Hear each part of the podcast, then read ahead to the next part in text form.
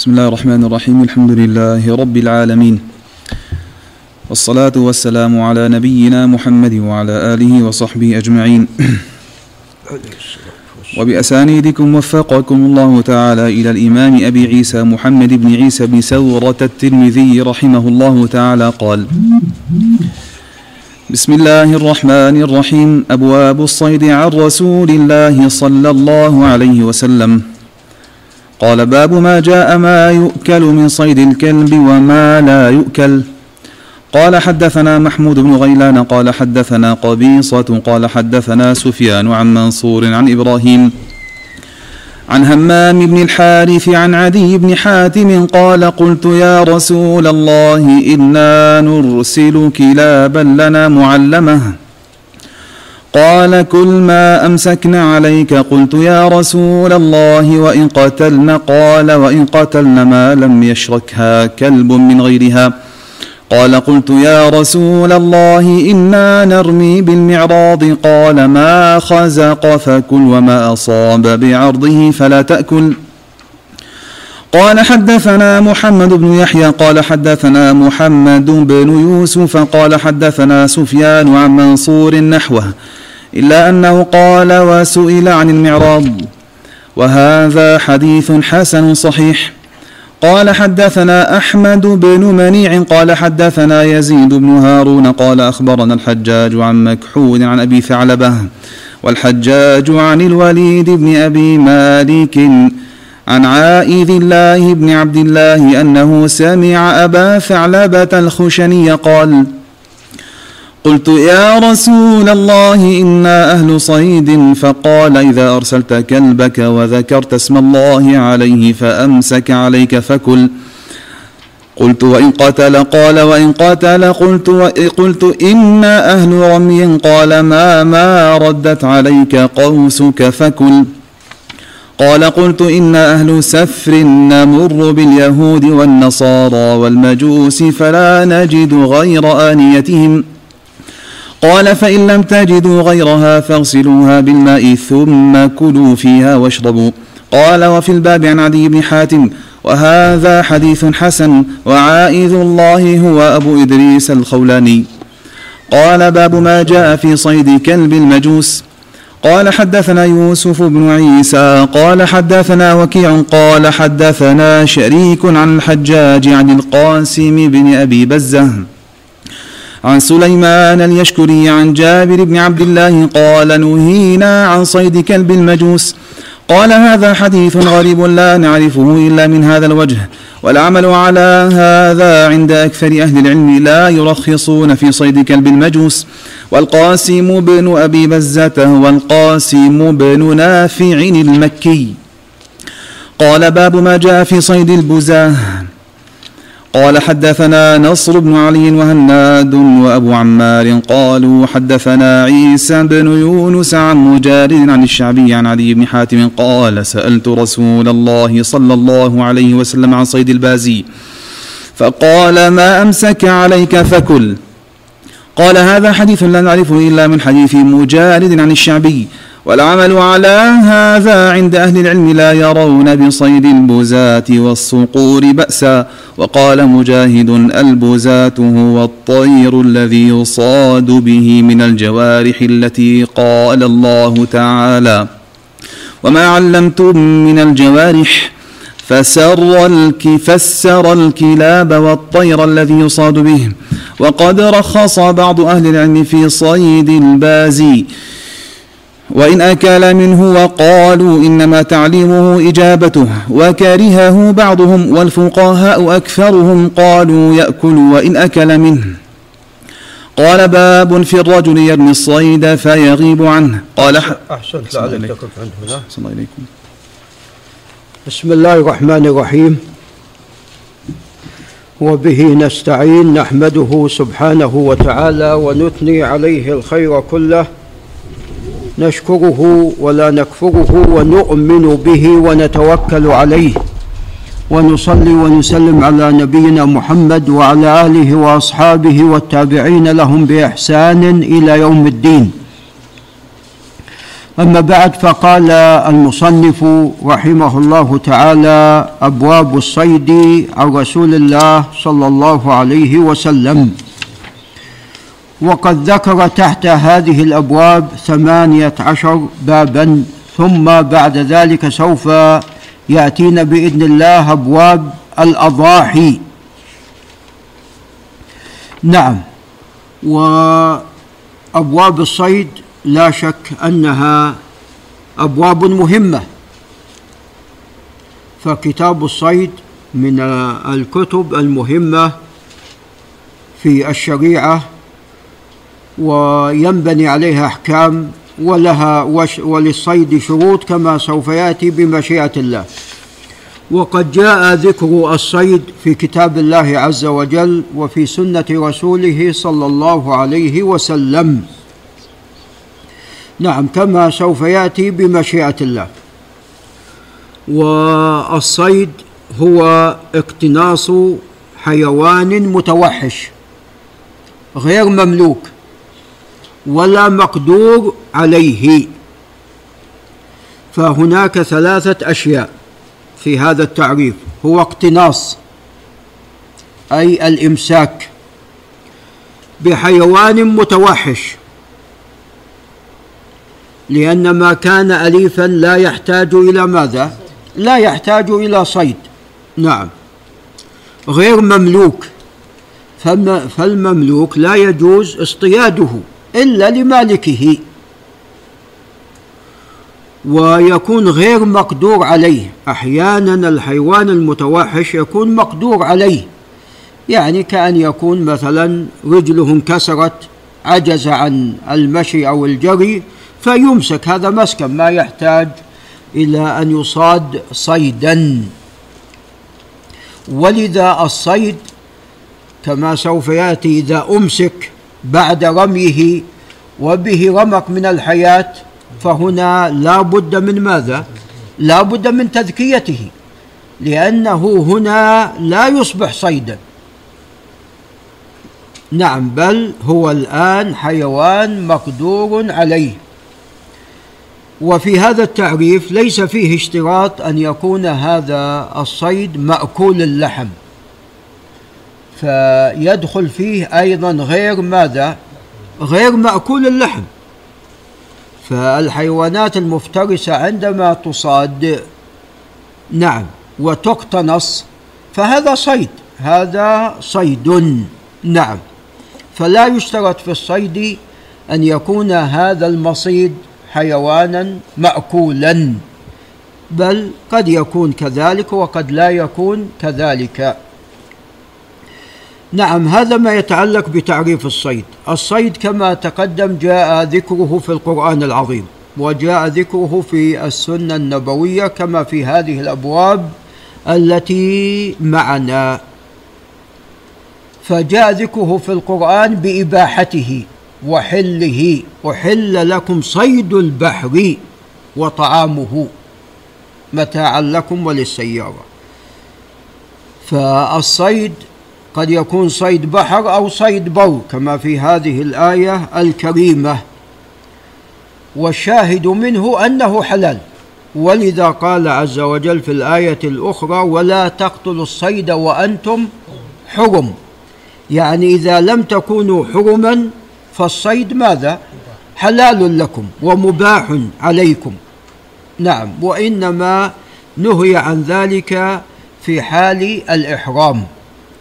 وفي حال الإحرام لمن كان في منطقة الحرم وأيضا لمن كان محرما إذا كان الصيد في البر وأما البحر فهو حلال للمسلم أو حلال للمحرم أن يصيد كما تقدم في الآية الكريمة.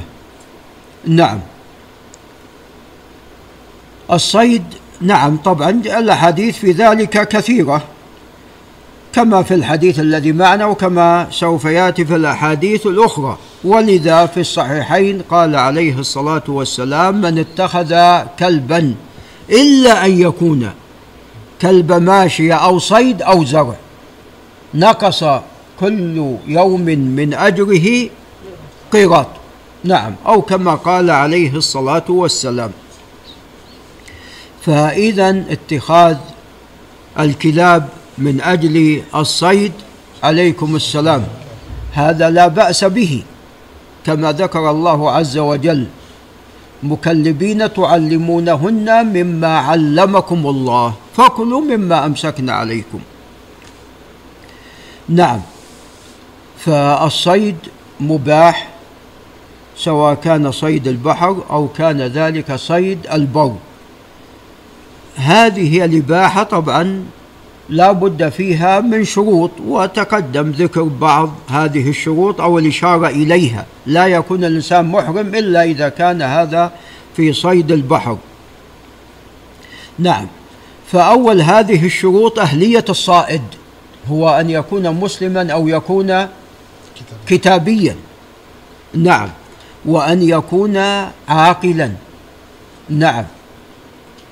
لا يكون يعني إنسان مجنون أو إنسان غير مميز لا يعرف شو المقصود من الصيد من عدمه. فاولا أهلية الصائد. فإذا كان الصائد مجوسيا ووثنيا فإن صيده لا يجوز.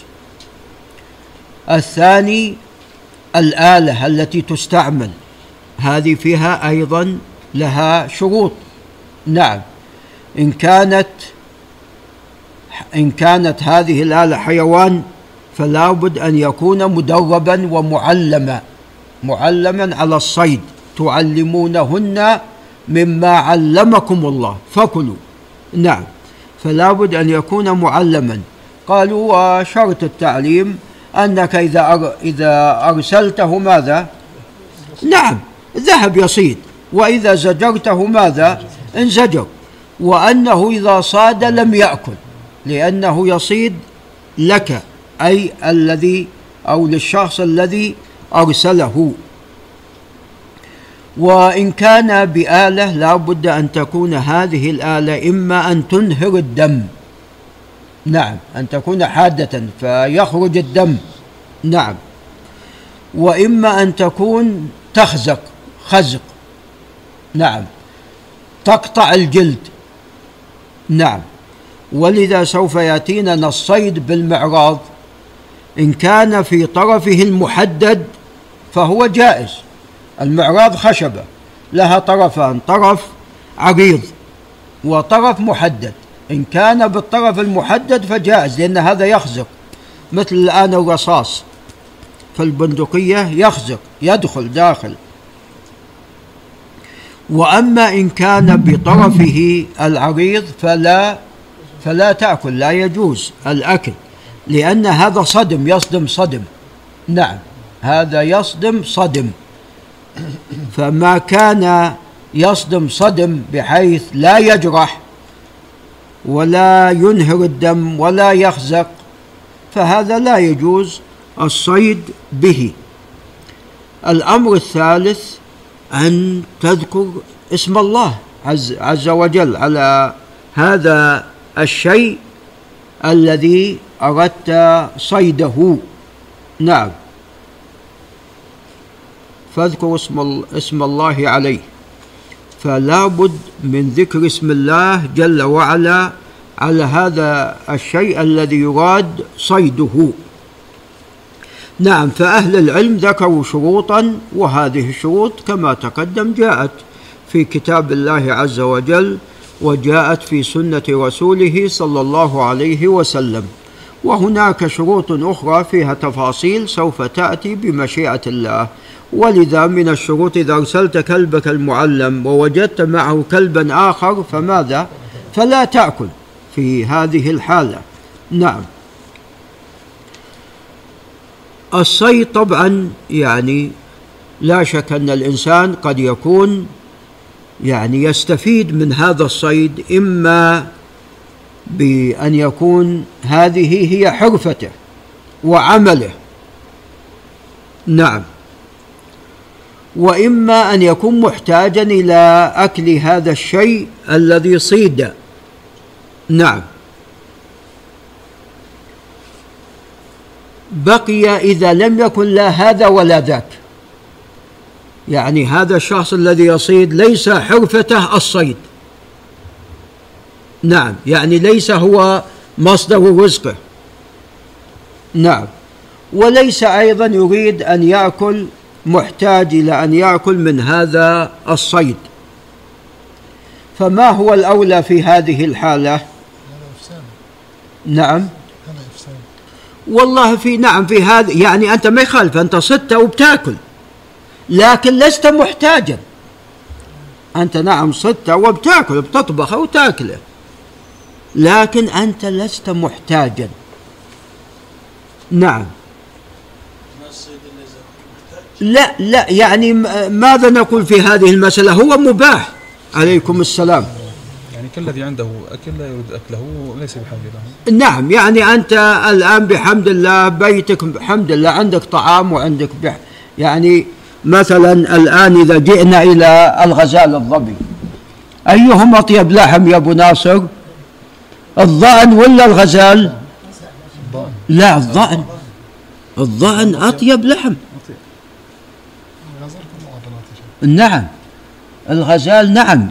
الغزال يعني أنا طبعا لم آكل الغزال لكن أخبرني بعض الإخوة أن اللحم قاسي وتعلمون يجري. رياضي. نعم نعم يجري في الفلوات فنعم.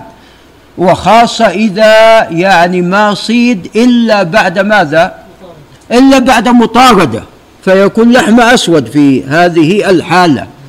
فلحم الضأن يكون هنا أطيب من لحم الغزال. نعم. طبعا لا شك إذا جينا إلى مثلا السمك فإنه لحم ماذا؟ الطري كما ذكر الله عز وجل في كتابه لحما طريا نعم. الشاهد من هذا يعني هناك من الإخوة ولعل الابن إبراهيم ينتبه هناك من الإخوة ممن يعني يكثر من الصيد. أما إذا كان يعني بيصيد ولا يأكل. يعني واحد بيصيد ضب يعني يكفيه اثنين مثلا. نعم وأما شيء بيصيد شيء كثير نعم ما الفائدة من هذا؟ والله يا شيخ حسن أنا لو أعطوني مية واحد بني ماكله نعم يعني وزعها نعم نعم يعني أنت يعني يعني أحيانا مثلا. نعم. يعني يطارد الضب ويتعب الضب ويدخل يده في اسمه في جحر الضب ويجيب له أحيانا ما مدري إيش يكبه في في الجحر حتى يخرج الضب. وأحيانا نعم يقطع ذيله مدري كيف. يعني الضب يعضه نعم أو أحيانا نعم يمد يده وتجد حية هناك أو عقرب فتلدغه. يعني المهم طبعا بعض الناس كما يقال يعني ما يسمى يعني بالصيد الجائر. تعلمون أن الآن كثير من الحيوانات بدت ماذا؟ بدت تنقرض وترى الإنسان سبحان الله يعني الله عز وجل جعل وجوده أنا مرة سمعت تقرير الآن تلاحظون. طبعا أنا أمس واحد عندي من شيابين عتيبة. يقول يعني يقول الإبل كثرت عندنا يقول وأصبحت الأرض ماذا؟ جردة ما فيها شيء. يقول هذه دهنا أبد. نعم. رملة ما فيها شيء أبدا. نعم. يقول رملة ما فيها شيء أبدا. نعم. فطبعا يعني الآن هؤلاء اللي يربون الإبل وكذا في ناس نعم يتكسبون منها وفي ناس ماذا؟ نعم بس كما يقال ونسة نعم بس نعم. ف يعني ناتي إلى مسألة يعني الصيد يعني تجد بعض الناس يكثر من الصيد وهو بحمد الله ليس محتاجا. عليكم السلام. تفضل ابو عبد العزيز نعم هذا بحمد الله. نعم ليس محتاجا إلى هذا الصيد. ف يعني لا ينبغي الإنسان. نعم أنت تفرج على الطيور تفرج مثلا على هذه الحيوانات وإن كان من بعيد لأن كثرة الصيد هذا يؤدي إلى انقراضها ويخشى أن تنزع البركة. بسبب ذلك لولا البهائم لم لم تمطروا. والآن تلاحظون يعني كان أنا أذكر وغيركم أيضا يذكر كانت الأرض إذا خرجت مليئة بأي شيء بالحشرات. غير الشجيرات الصغيرة والأعشاب وكذا. الأرض مليئة بالحشرات وإذا أوقدت نارا اجتمعت الحشرات. الآن توقد نار ولا ما توقد نار؟ ما. نعم. وأنا سمعت تقرير أن الإنسان بقاء معلق بهذه الحشرات. نعم. وأنا ملاحظ الآن إذا خرجت إلى البر ما أجد حشرات في الأرض. نعم. وهذا يعني الأمر خطير ليس بال نعم بالأمر الهين. فنعم المقصود من هذا أن الإنسان يعني بحمد الله إذا كان الله عز وجل بحمد الله مغنيه وعنده من الطيبات يعني لا يكثر من هذا فبعض الناس يكثر من هذا وطبعا جاء في الحديث وفيه ضعف. قد مر علينا في مسند القضاعي من اتبع الصيد غفل. من اتبع الصيد غفل. وأنا قد سمعت إن بعض الناس يعني قد يعني إذا وجد حباره في مكان يعني قد يطاردها تحتاج يطاردها إلى ماذا؟ نعم إلى قد يكون مئات الأكيال. نعم. أو نحو ذلك. فلا شك أن اتباع الصيد يعني شوف امامك تلحق به يطير تلحق به يطير تلحق به. نعم. ف يعني يسبب نعم يسبب الغفلة يسبب هذا نعم الغفلة. ولذا تجد الآن كما تقدم هذه الحيوانات نعم قلت. وبعض الناس يمكن يضربوا ناس يجلسون عند الساحل حتى يتلقون ماذا؟ نعم الصيد الطيور التي نعم نعم مهاجرة جاية من من مكان آخر. نعم. فنعم هو بحمد الله مباح لكن الإنسان نعم يعني لا يعني يشتغل بهذا ويكثر من هذا وأيضا ينبغي له أن ينتبه لا يصيد ويرمي. يعني بلغني أن بعض الناس كان في وسط نجد كان هناك الغزلان موجودة فذكر ذكر ناس يعني ذكروهم من أسرة معينة وأنهم معهم ثلاجة كبيرة يصيدون على هذا قبل أربعين سنة أو خمسين سنة أو نحو ذلك. أنا سمعت ولم نعم. ويضعون بها الثلاجة وهم والله مغنيهم. ويضعون بها الثلاجة إيش تبغى أنت يعني تضع. نعم يعني أنت ستة واحد. يعني غداك اليوم مع أصحابك. من هذا خلاص يكفي. نعم. فيصيدون يضعون في هذا الشيء الثلاجة الكبيرة. نعم. قال المصنف رحمه الله تعالى أبواب الصيد عن رسول الله صلى الله عليه وسلم. قال باب ما جاء ما يؤكل من صيد الكلب وما لا يؤكل. طبعا جاء في شرح الإقناع قال والصيد أفضل مأكول. يقول الصيد أفضل مأكول. لماذا يا شيخ حسن؟ يقول لأنه طعام لا شبهة فيه. يقول في شرح الإقناع أن الصيد أفضل مأكول. لما؟ قال لأنه لا شبهة فيه. والله أنا عندي أن هذا فيه نظر. لأن بحمد الله الشيء اللي أنت تملكه يعني شيء تملكه ما في شبهة. بحمد الله. ما هناك شبهة. شيء تملكه بمالك. نعم. فيعني القول بأن الصيد يعني أفضل مأكول يعني هذا في النفس والله أعلم منه شيء. كما أن الزراعة أفضل مكتسب. يعني في الحرف والاكتساب بعض أهل العلم قال أن الزراعة أفضل.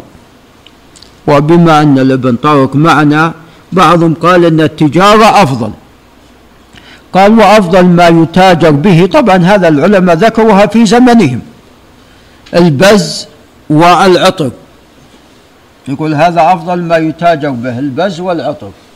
وأبغض ما يتاجر به الرقيق والصرف. قال لي أن في ذلك نعم شبهة. أي نعم. نعم. عليكم السلام. نعم. تفضل يا شيخ عبد الله تعال من تعال قريب تعال تعال.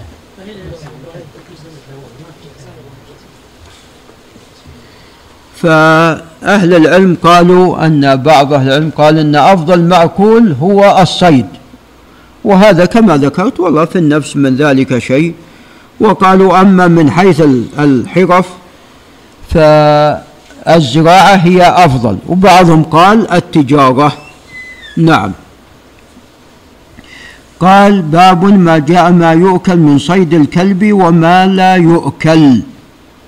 فإذا صيد الكلب ليس يؤكل كله أو على الإطلاق لا بد فيه من شروط. فإذا توفرت هذه الشروط فهنا يؤكل من صيد هذا الكلب.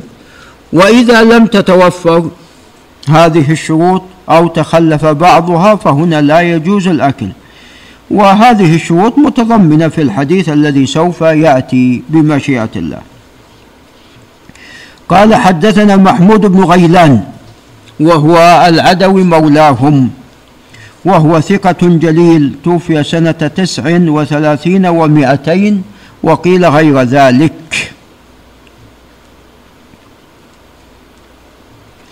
وهو من شيوخ البخاري ومسلم. نعم. والترمذي والنسائي. قال حدثنا قبيصة وقبيصة هو بن عقبة بن محمد بن سفيان السوائي. نعم السوائي عفوا بالضم. نعم. الكوفي وتوفي عام خمسة عشر ومائتين وقد خرج له الجماعة. إي نعم قبيصة تقدم لنا أن هناك من تكلم فيه في روايته عن سفيان قال لم يضبط عن سفيان. وهناك من قال هو ضابط لحديث سفيان. فعبارتان متناقضتان. هناك من قال لم يضبط عن سفيان. وهناك من قال هو ضابط لحديث سفيان. الجمع بين هاتين العبارتين عندما توفي سفيان كان عمره نحو السادس عشر. ف وحديث سفيان كثير. فلم يكن متقنا له. ثم بعد ذلك أخذ يدرس ويحفظ حديث سفيان حتى أتقنه. فيقال أن ما حدث به قديما ليس مثل ما حدث به أخيرا. أخيرا قد ضبط حديث سفيان. وهذا خلاف القاعدة المشهورة. وهي أن حديث الشخص القديم غالبا يكون أقوى من حديثه المتأخر لأن كلما تقدمت به السن كلما حفظه ضعف. فقبيصة خالف هذه القاعدة وذكرنا غير مثل همام بن الحارث وغيرهم. نعم. فالجمع ما بين أقوال النقاد في قبيصة أنه عندما توفي سفيان كان قد ناهز الاحتلام يعني قريبا من من ذلك. ثم بعد ذلك أخذ يدرس ويتحفظ حديث سفيان حتى أتقنه. فمن جالسه في البداية قال لم يتقن. ومن جالسه بعد ذلك عليكم السلام. قال أصبح متقنا لحديث سفيان. نعم. قال حدثنا سفيان وهو ابن سعيد بن مسروق الثوري الإمام أبو عبد الله وقد توفي عام واحد وستين ومئة وسفيان مكثر من الحديث وهو إمام جليل كما هو معلوم. قال عن منصور وهو ابن المعتمر. عليكم السلام. السلمي أبو عتاب الكوفي وهو ثقة ثبت توفي سنة ثنتين وثلاثين ومئة وقيل ثلاث وثلاثين ومئة. خرج له الجماعة. عن إبراهيم وهو ابن يزيد النخعي. نعم. أبو عمران الكوفي الفقيه المشهور. نعم. إذا قيل وإلى هذا ذهب إبراهيم يعني إبراهيم النخعي عليكم السلام. وقد توفي سنة ست وتسعين وكان عمره نحو الخمسين سنة قد خرج له الجماعة. قال عن همام بن الحارث وهو النخعي. همام بن الحارث النخعي وهو ثقة عابد من كبار التابعين. توفي بعد الستين سنة خمس وستين أو نحوها. وقد خرج له الجماعة. قال عن عدي بن حاتم ابن عبد الله الطائي. وأبوه حاتم هو المشهور بالكرم وقد هلك حاتم في الجاهلية. وأما عدي فهو صحابي جليل رضي الله تعالى عنه. وهناك بعض الأسر من الأسلم ينتسبون إلى عدي. نعم. قال قلت يا رسول الله إنا نرسل كلابا لنا معلمة.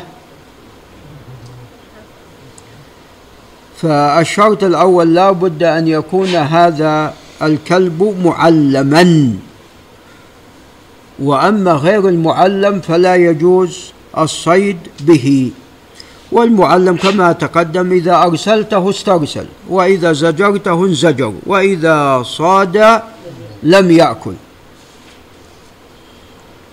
نعم. ولذا قال عز وجل تعلمونهن مما علمكم الله فكلوا. مما امسكن عليكم قال كل ما امسكن عليك أي صدن لك. نعم لا يكون هذا الكلب قد صاد لنفسه وإنما صاد لك. هذا الشرط الثاني. نعم وعلامة أنه صاد لك أنه لم يأكل. نعم. وأما إذا أكل فهذا صاد لنفسه. كل ما امسكن عليك أي صدن لك. قلت يا رسول الله وإن قتلنا أحيانا الصيد يدرك فيه حياة لم يقتل. نعم الذي صاده الكلب لم يقتله. أو البازي. نعم. قال وإن قتلنا. نعم. طبعا إذا أدركه وفيه حياة فعليه أن يذكيه. نعم. وأما إذا قتله الحيوان الذي يصاد به وذكر اسم الله فهذا مباح أكله. قال ما لم يشركها كلب من غيرها. طبعا هنا لم تذكر التسمية ولكن ذكرت في نصوص أخرى وهو أنك تسمي على نعم على كلبك. عليكم السلام. الذي أرسلته. نعم. و يعني هنا مسألة وقد أثيرت لعل ينتبه إليها. أنت تصيد بالبندقية. أنت تصيد بالبندقية. وذكرت اسم الله.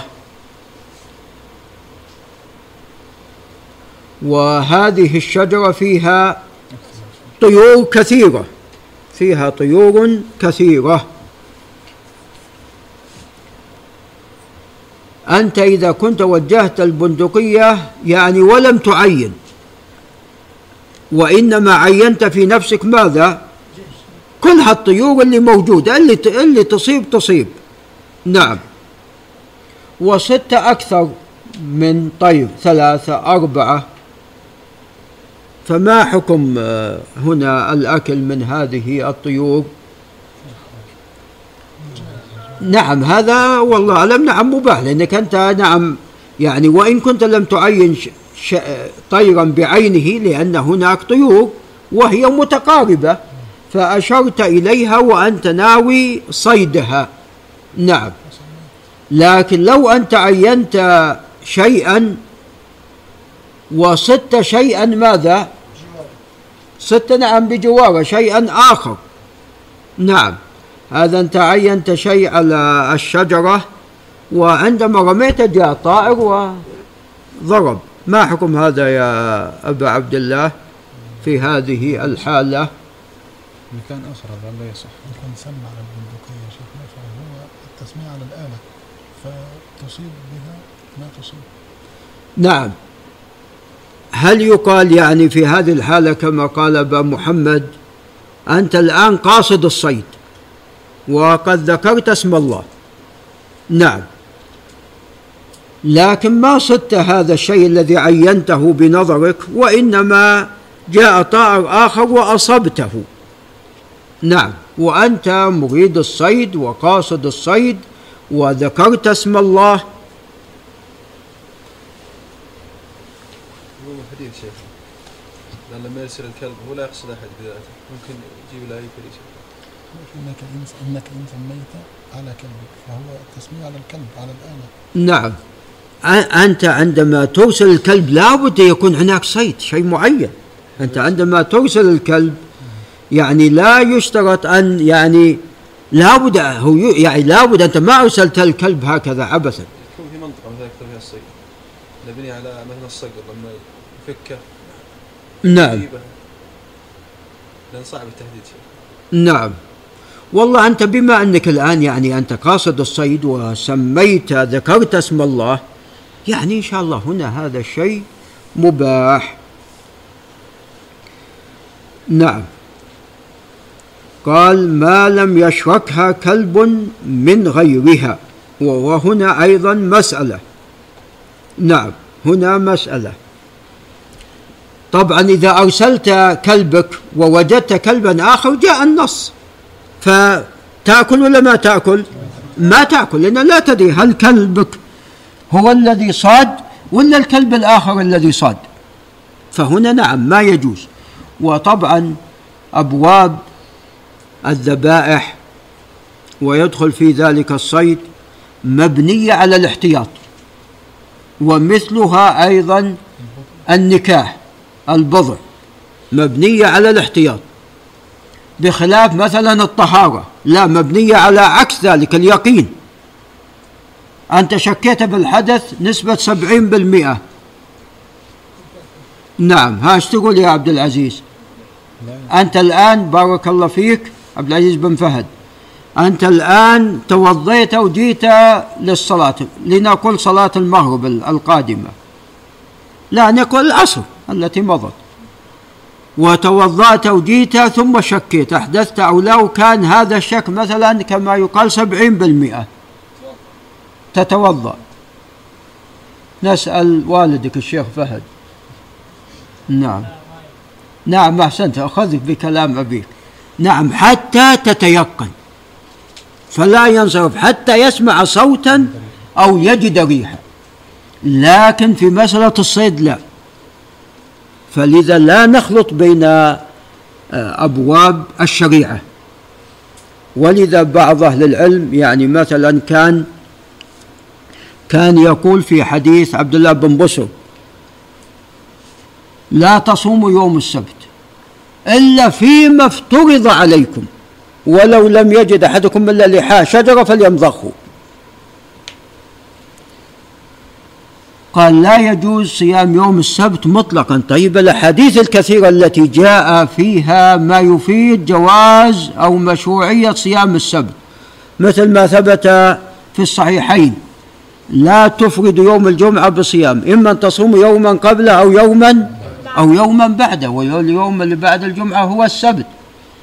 ومثل عبد الله بن عمرو بن العاص رضي الله عنهما قال له عليه الصلاة والسلام صم يوم وأفطر يوم. ما قال له إذا وقع في صيامك السبت فلا فلا تصم. جزما هو عندما يصوم يوم ويفطر يوم لابد أن يوافقه.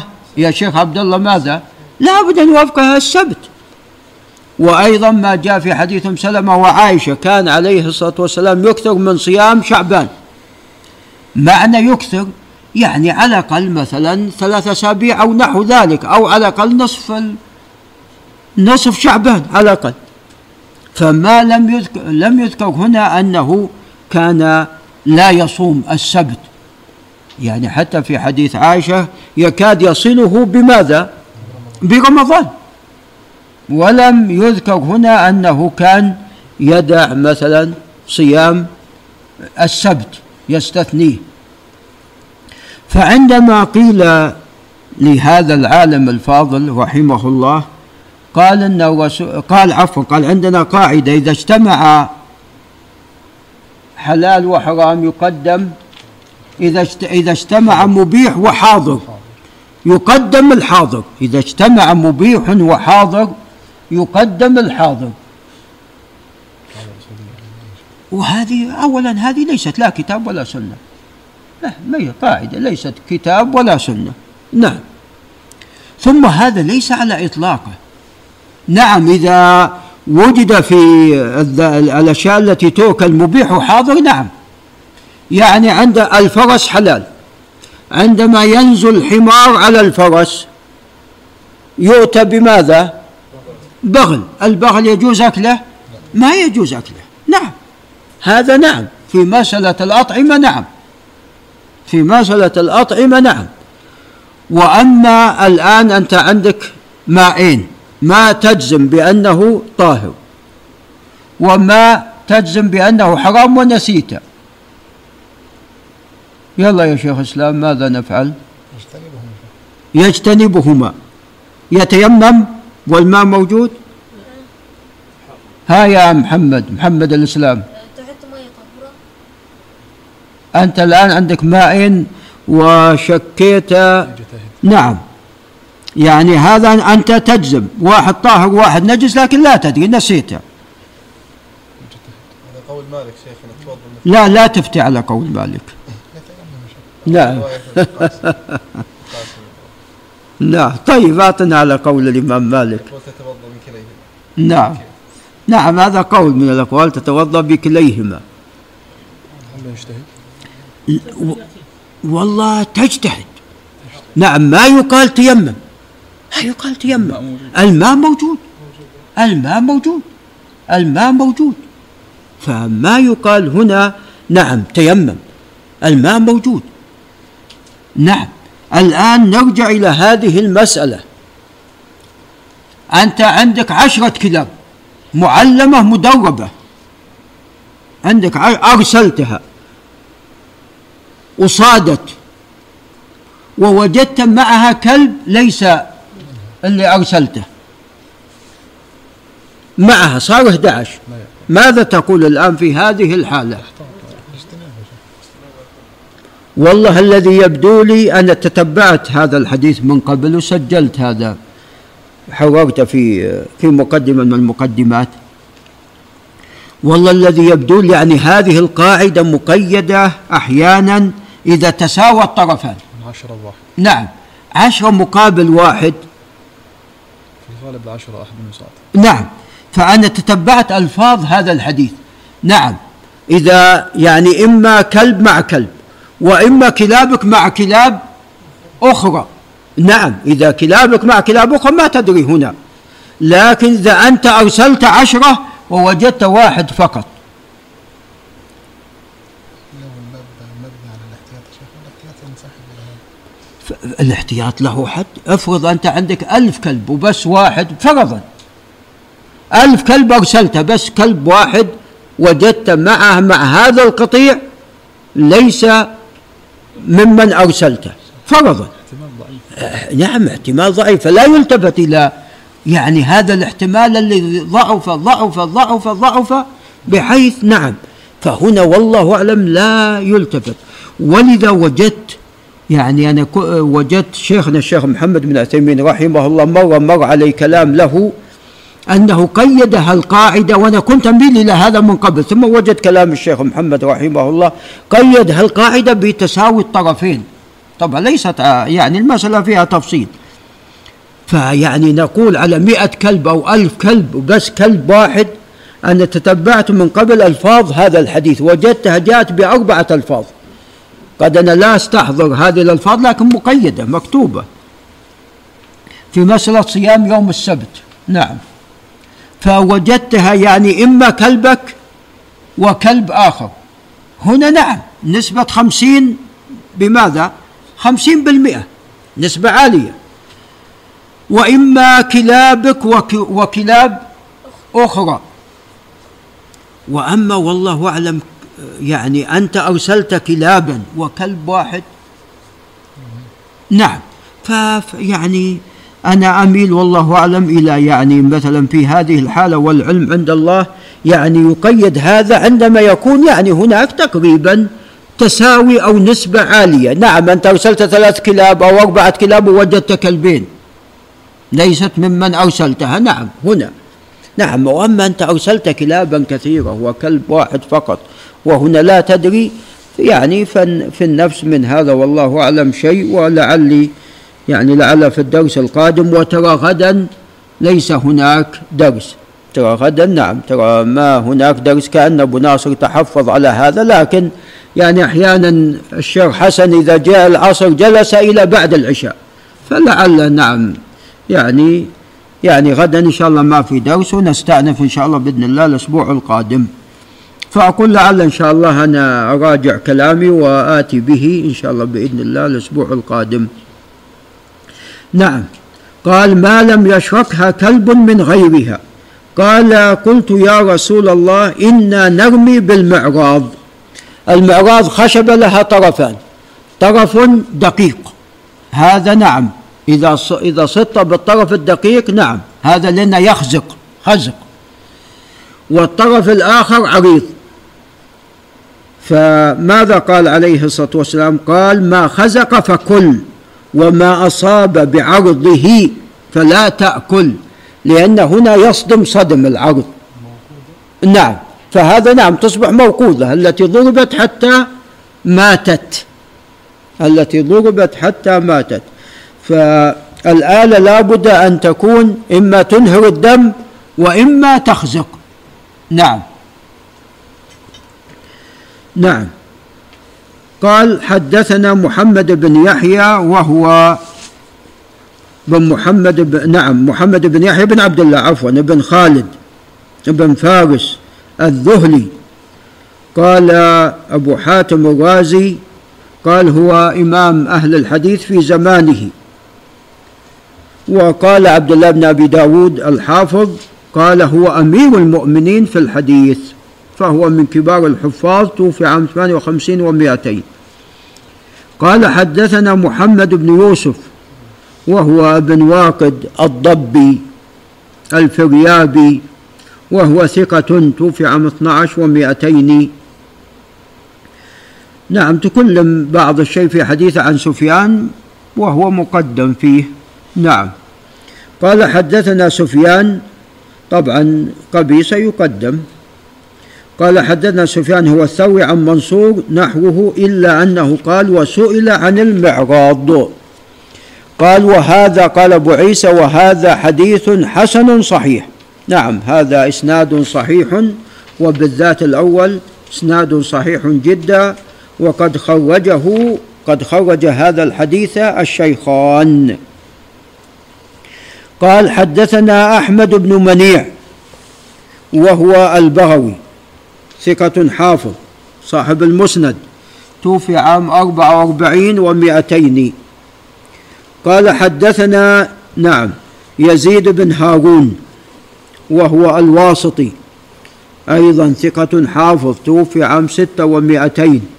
ويزيد بن هارون تقدم لنا طبعا توفي وقد ناهز الثمانين تقريبا وقبل أن يموت رحمه الله أصيب بالعمى فكان يأمر جارية له أن تقرأ عليه أحاديث أحاديث من كتابه حتى ماذا؟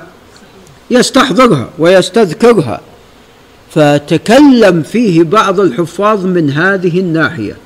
انظروا إلى دقة ذلك. وهذا من حفظ الله عز وجل لدينه. هذا من حفظ الله سبحانه وتعالى لدينه. نعم يقول نعم هذه الجارية نعم قد تلحن يعني هي إن شاء الله لن تزيد بإذن الله لكن قد تلحن قد يعني فيأخذ عنها الحديث غير مضبوط. نعم. قال أخبرنا الحجاج. الحجاج هو بن أرطات بن ثور بن هبيرة أبو أرطات النخعي. وهو فقيه جليل.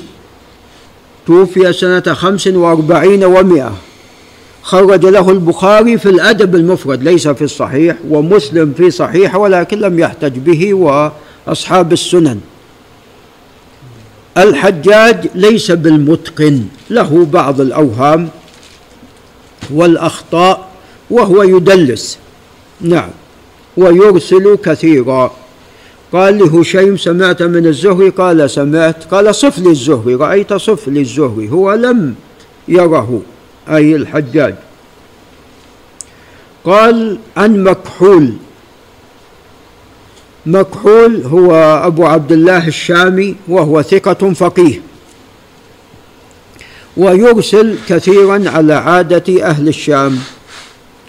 وقد اختلف في سماع حجاج من مكحول.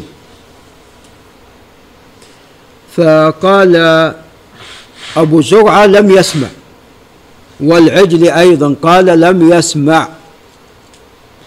وأما أبو داود في في سؤالات الآجري فقال سمع. أبو داود في سؤالات الآجري قال سمع. علي بن المديني قال لم يسمع وإنما أخذ من كتاب عبد القدوس. قال إنما أخذ من كتاب إنما هو كتاب عبد القدوس. فالصواب أنه لم يسمع وإنما أخذ كما قال علي بن المديني من كتاب عبد القدوس. قال عن أبي ثعلبة أبو ثعلبة هو الخشني رضي الله تعالى عنه هو صحابي جليل مشهور بهالكنية واختلف في وفاته. قيل يعني في بداية خلافة معاوية بعد الأربعين وقيل بل مات سنة خمس وسبعين. أبو ثعلب الخشني لاشتهاره بهذه الكنية اختلف في اسمه. وكل شخص يشتهر بكنيته فغالبا يختلف في ماذا؟ في اسمه. طبعا أبو بكر الصديق لم يختلف في اسمه عبد الله بن عثمان رضي الله تعالى عنه. لكن أبو هريرة نعم اختلف في اسمه اختلافا كثيرا. مثل أبو ثعلبة قيل جرثوم وقيل جرثومة وقيل جرثم وقيل شق وقيل لا شق أو نحو يعني أسماء غريبة ذكرت في تسميته. نعم. فالله أعلم ما هو اسمه لكن هو لا يذكر إلا بكنيته رضي الله تعالى عنه. قال يزيد بن هارون والحجاج عن الوليد بن أبي مالك. هذا الحديث رواه الحجاج بإسنادين عن مكحول عن أبي ثعلبة طبعا عفوا مكحول لم يسمع من أبي ثعلبة مكحول لم يسمع من أبي ثعلبة. فهذا فيه انقطاع في موضعين في موضعين هذا الإسناد. نأتي إلى الإسناد الثاني. قال والحجاج عن الوليد بن أبي مالك. والوليد بن أبي مالك هو الوليد بن عبد الرحمن الهمداني أبو العباس الدمشقي نزيل الكوفة وغالبا الأمر بالعكس أن أهل العراق يذهبون للشام. وقد جاءت آثار أن الصالحين من أهل العراق يذهبون للشام وأن الأشرار بالعكس. نعم. وقد جاءت هجرات من العراق إلى الشام كما حصل عندما سقطت بغداد. نعم. فهذا الوليد لا عكس إنما نزل الكوفة وهو دمشقي وهو ثقة. قال عن عائذ عن عائذ الله بن عبد الله وهو أبو إدريس الخولاني عائذ الله بن عبد الله. قال سعيد بن عبد, بن عبد العزيز كان عالم أهل الشام بعد أبي الدرداء. قال كان عالم أهل الشام بعد أبي الدرداء وهو إمام جليل. نعم رحمه الله. كانت ولادته في عهد الرسول عليه الصلاة والسلام في السنة الثامنة في حنين. وتوفاه الله سنة ثمانين. توفاه الله عز وجل سنة ثمانين. عندنا أبو مسلم الخولاني غير أبو إدريس غير أبي إدريس. أبو مسلم عبد الله بن ثوب. وأما أبو إدريس وهو عائذ الله ابن عبد الله. لعل لابن طارق يسجل. عائذ الله اثنين في الكتب الستة. عائد في اثنين آخرين. لكن نقول لكن المقصود عائد الله اثنان. أبو إدريس الخولاني وهو المشهور. وعندنا عائد الله المجاشعي وهو ضعيف خرج له ابن ماجه. هو ضعيف خرج له ابن ماجه. وهو قليل الحديث. قد يكون حديث أو نحو ذلك. وإن وأما المشهور فهو أبو إدريس الخولاني. نعم. قال أنه سمع أبا ثعلبة الخشني. إذا الإسناد الثاني ليس فيه إلا الحجاج وينظر في سماع الحجاج من الوليد. وهو مدلس وهنا عن عن لا أدري هل هو صرح بالتحديث في مكان آخر أم لا.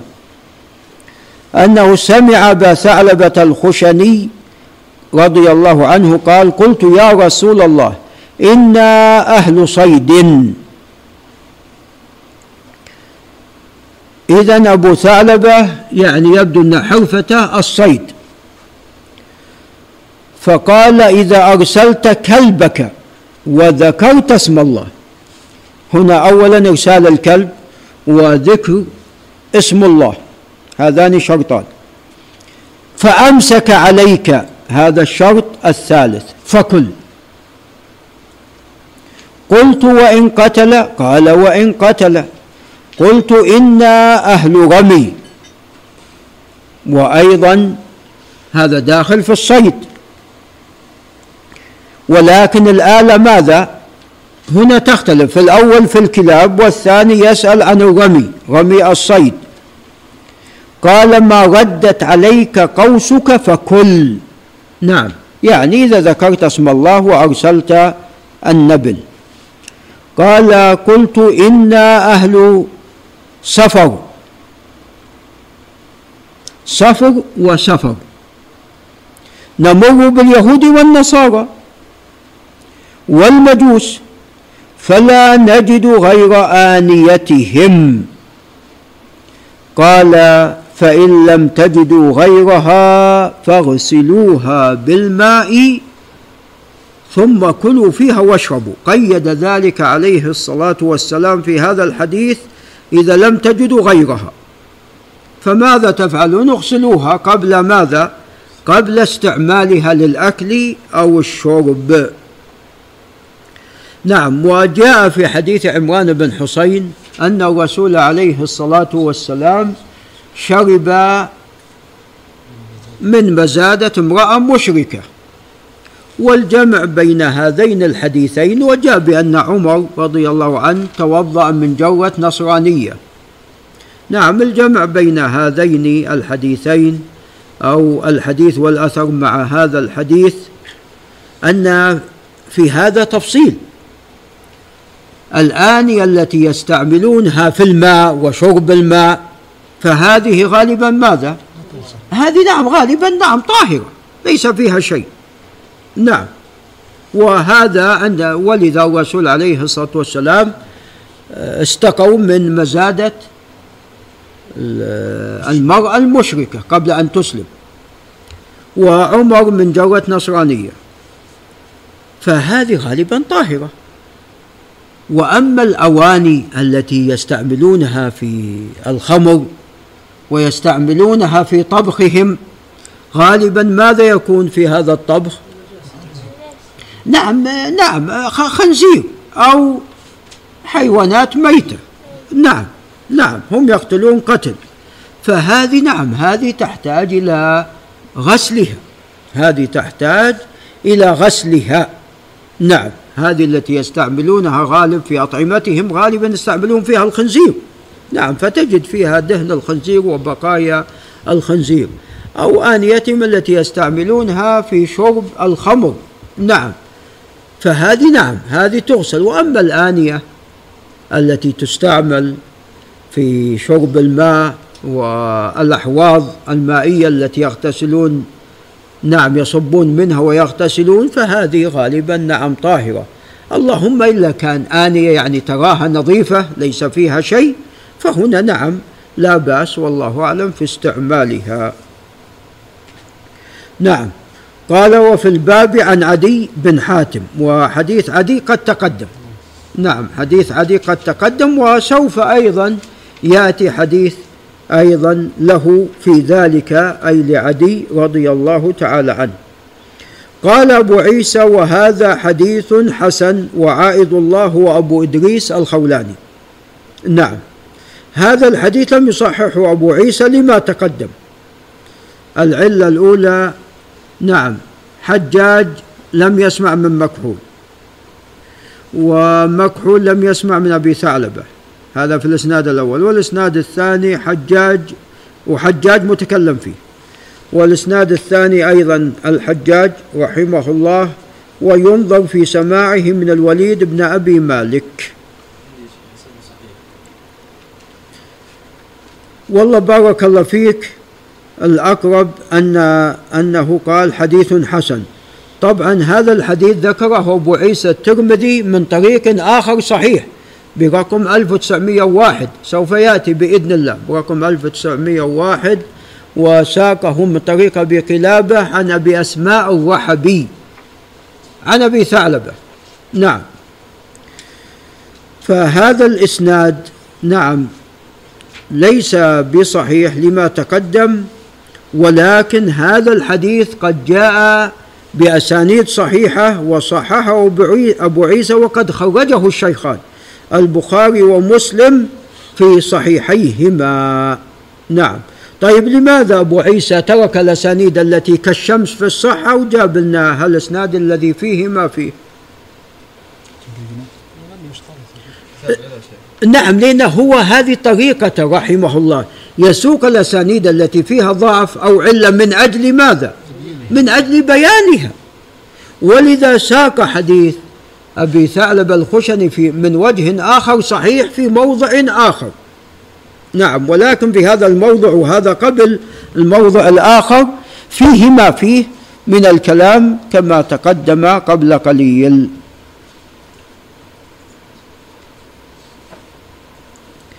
نعم. فالحديث حديث صحيح وإن كان هذا الإسناد فيه ما فيه ولكن جاء من وجه آخر. نعم. وسوف يأتي بإذن الله. في رواية الدوري يقول نعم. الحجاج سمعت مكحولا والوليد مع ابن أبي مالك. في رواية الدوري؟ نعم. الدوري عن من؟ هو عن من أقوال ابن معين ساقها الدوري. نعم. ثم قال قد سمع الحجاج بن أرطاط من مكحول وفي بعض حديثه سمعت مكحولا وقد سمع الحجاج بن أرطاط من الشعبي حديثا واحدا وقال مرة عنه وقد روى حجاج بن أرطاط عن مكحول قال سمعت مكحولا والوليد بن مالك.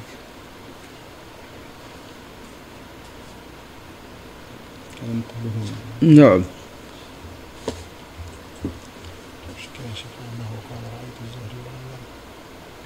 نعم. والله أنا عندي يعني أميل إلى قول علي بن المديني. أنا أميل إلى قول علي بن المديني. نعم. لكن هذا قول يحيى بن معين. نعم. قول لا شك مهم يحيى بن معين إمام.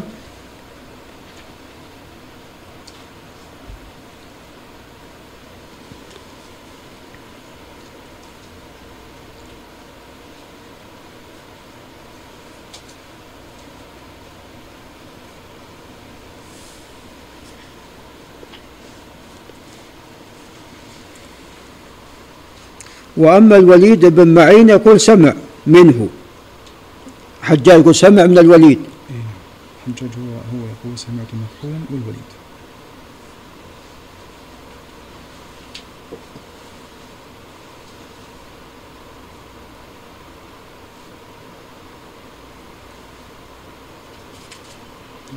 الوحيد الذي وجد في هذا. نعم. أنا أميل بالنسبة للحجاج في مكحول أنا أميل إلى لأنه هو يدلس نعم كثيرا. فأنا أميل إلى قول علي بن المديني أنا يقول إنما هو من كتاب عبد القدوس. نعم ناتي إلى الباب الذي بعده قال باب ما جاء في صيد كلب المجوس. طبعا يقال بالنسبة لكلب المجوس.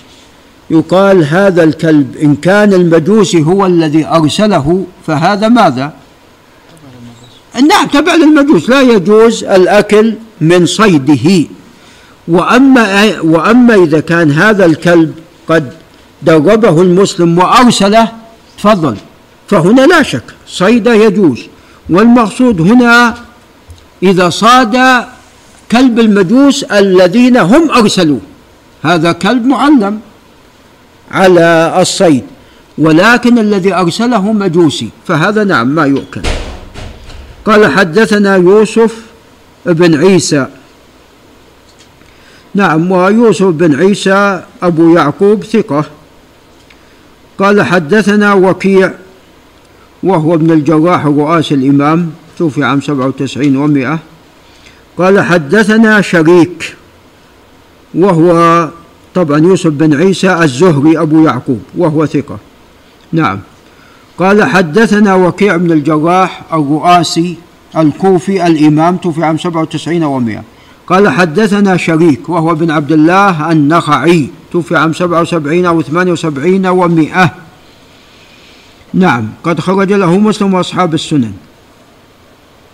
شريك تقدم لنا أن حديث على ثلاثة أقسام. نعم. ما كان من كتابه فهذا الأصل فيه الصحة.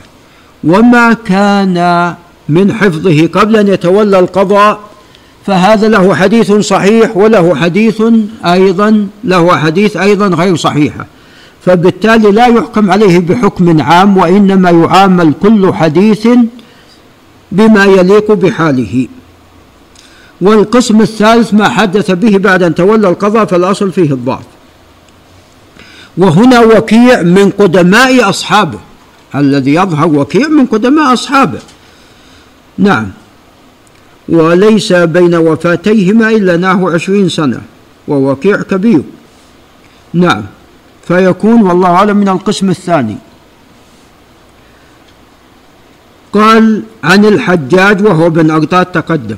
قال عن القاسم بن أبي بزة وهو القاسم بن نافع المخزوم مولاهم المكي القارئ. وهو ثقة.